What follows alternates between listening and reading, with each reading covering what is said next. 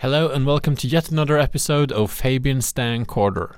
This is episode 11 and we will do this in English to reach or to reach broader audience to uh, reach uh, beloved fans from uh, the other side of the Atlantic Ocean. Today we will uh, dig into the social media that's that Fabian Stang is on and we will reach into the news uh, that is about Fabian Stang. I think we will start with the news, so we'll just play the jingle, and then when we're back, we will go to Fabian Stang News. Nyheter, Instagram, Nyheter. bilde, bilde, Instagram. Instagram, gram, gram, gram, Nyheter. Instagram, Fabian Stang Nyheter. Instagram. Fabian Stang Nyheter. Instagram. Fabian Stang Nyheter. Instagram. Nyheter. Yay. Okay, then we will start with the news. There are a couple of um, news articles um, that's about Fabian Stang. Uh, we will first go to the right wing uh, newspaper on net that is document.no. Uh, it's uh, far right wing, I would say. Um, some people are calling it a racist newspaper, others are just calling it honest. So that will be up to you to decide. You just go into document.no uh, and then you can plot the URL address into Google Translate. Uh, and then you can read it in English or whatever language you prefer.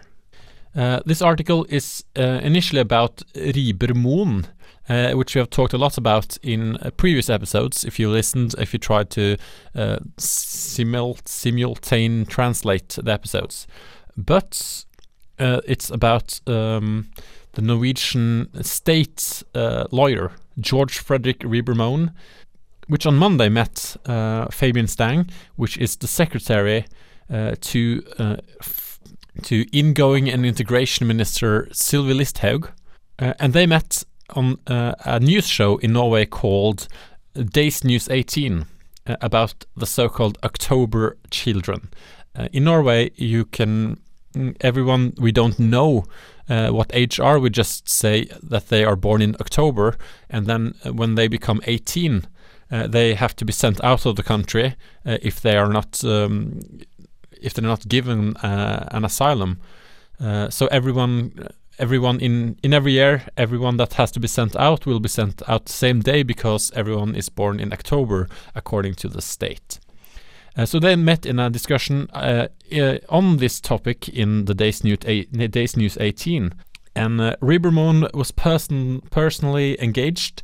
He says in this case, uh, it is atypical. Um, it is not atypical, but typical. Norway cannot be um, known to send young people back alone to, uh, for instance, Kabul, uh, Afghanistan. And to everyone uh, that is listening from the United States, that you probably know Kabul, uh, because yes, you are in war with Afghanistan. Uh, so I won't have to explain where that is, or perhaps I have to, uh, but that is in Asia.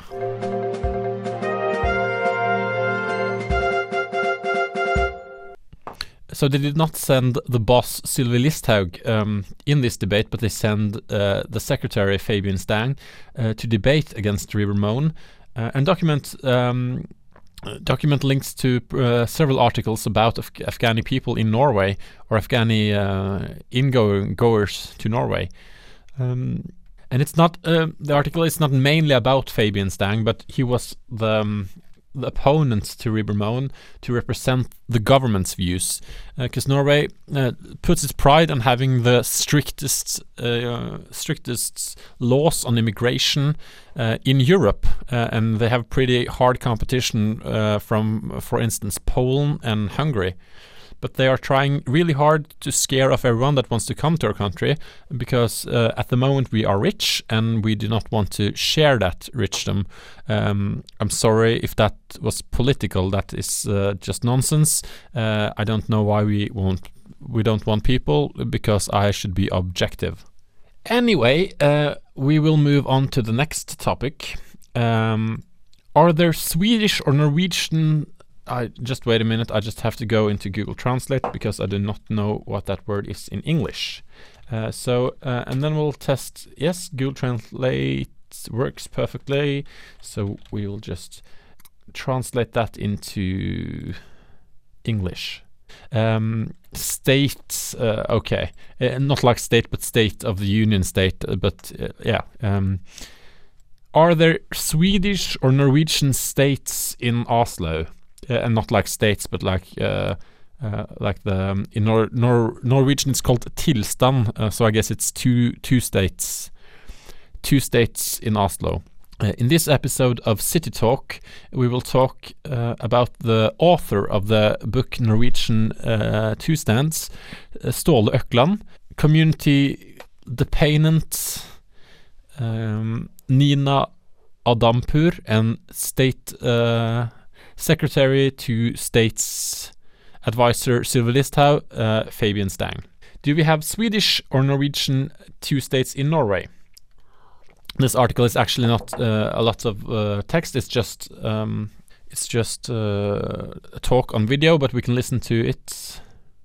Før var vi Skandiabanken. Nå er vi S-banken. Vi okay, skifter so navn fordi like- vi har blitt en selvstendig norsk bank. Yes. Men vi er de samme folka. It's like Norwegian commercial uh, about a bank that changes name from Scandiabanken to S Banken. So this is not a commercial. Uh, Scandiabanken sucks. It's not a commercial. Scandiabanken sucks. Use any other bank than Scandiabanken or S Siden Banken. 2002 har vi hatt de mest fornøyde bankkundene. Velkommen du også. Kom i gang på sbanken.no. So we will just spoil a little in this track. Um, Det er jo en eh, politidokumentar. Men eh, det type svenske tilstander har vi ikke. Eh, til deg, Fabian Stang. Din statsråd er jo da so uh, the um, the debate, the dependent, the um, the other. Uh, the one, the opponents to Fabian Stang just um, just said that there are no uh, Swedish two stands, uh, Swedish states in Oslo, uh, and now the, um, the leader of the show is uh, turning against turning his head against Fabian Stang, and he has to answer a question. Uh, so we'll listen to the answer to Fabian uh, now. Og spørsmålet er jo hvor lenge er man innvandrer? Eh, Når er man, er man norsk? Men jeg, jeg innser at vi må bruke det begrepet, men jeg, jeg liker det dårlig, for å si det sånn. So uh, Fabian Stang just said it's um, it's demanding to have a debate about uh, about foreign people, uh, and he asks uh, when do you stop being foreign? How how many years do you have to live in Norway before you stop being foreign? Um, so he's a little mad about the the word use in the debate. Få til en god integrering hvor eh, de som har kommet, har funnet eh, seg til rette i denne byen og er eh, stor nytte for vårt samfunn og gjør det bra på skolen, mange av dem. Men så ser vi at det er store utfordringer noen steder, og det må vi gjøre noe med.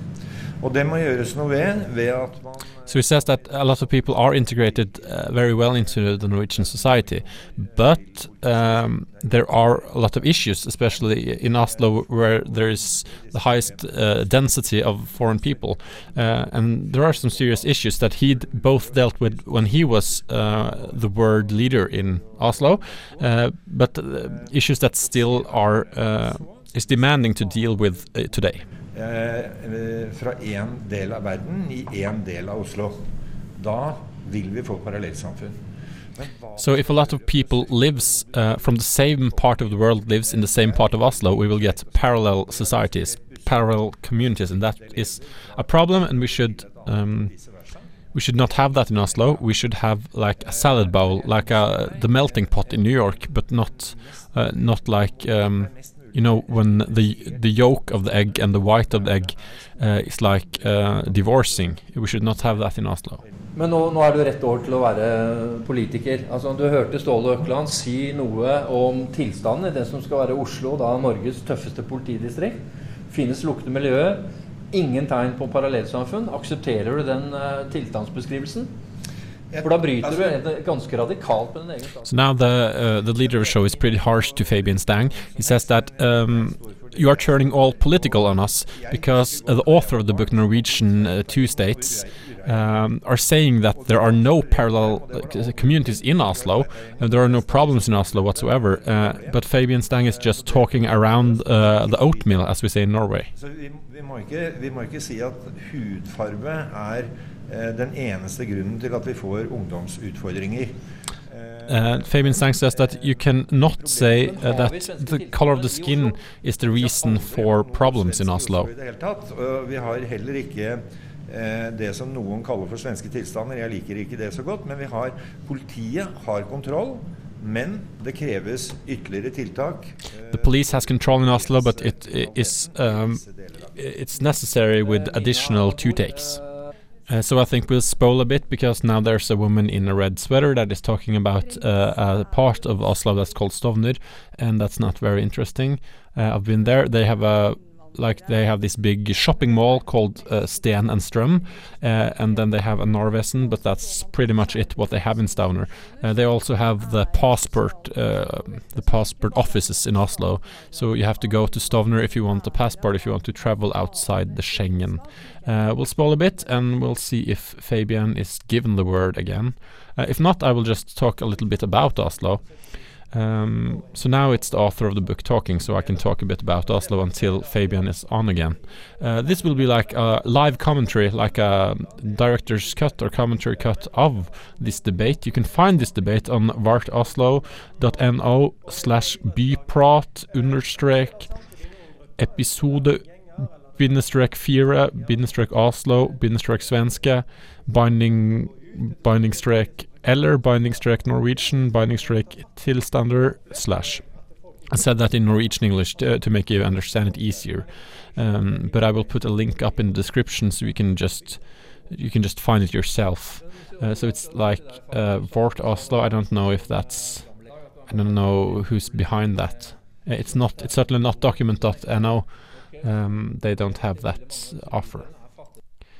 So we'll spoil a bit. Uh, here we have Fabian again. Kommer for mange, så får vi fattigdom, og så får vi den type problemer som vi ikke klarer å løse. Og da er spørsmålet? So Fabian is talking about that if there comes too many foreigners to Oslo, uh, that is not a favor. We're actually doing them a bare favor. Uh, when um, when too many people of foreign background comes to Oslo, um, many of them have uh, socio-economic problems and especially economical problems.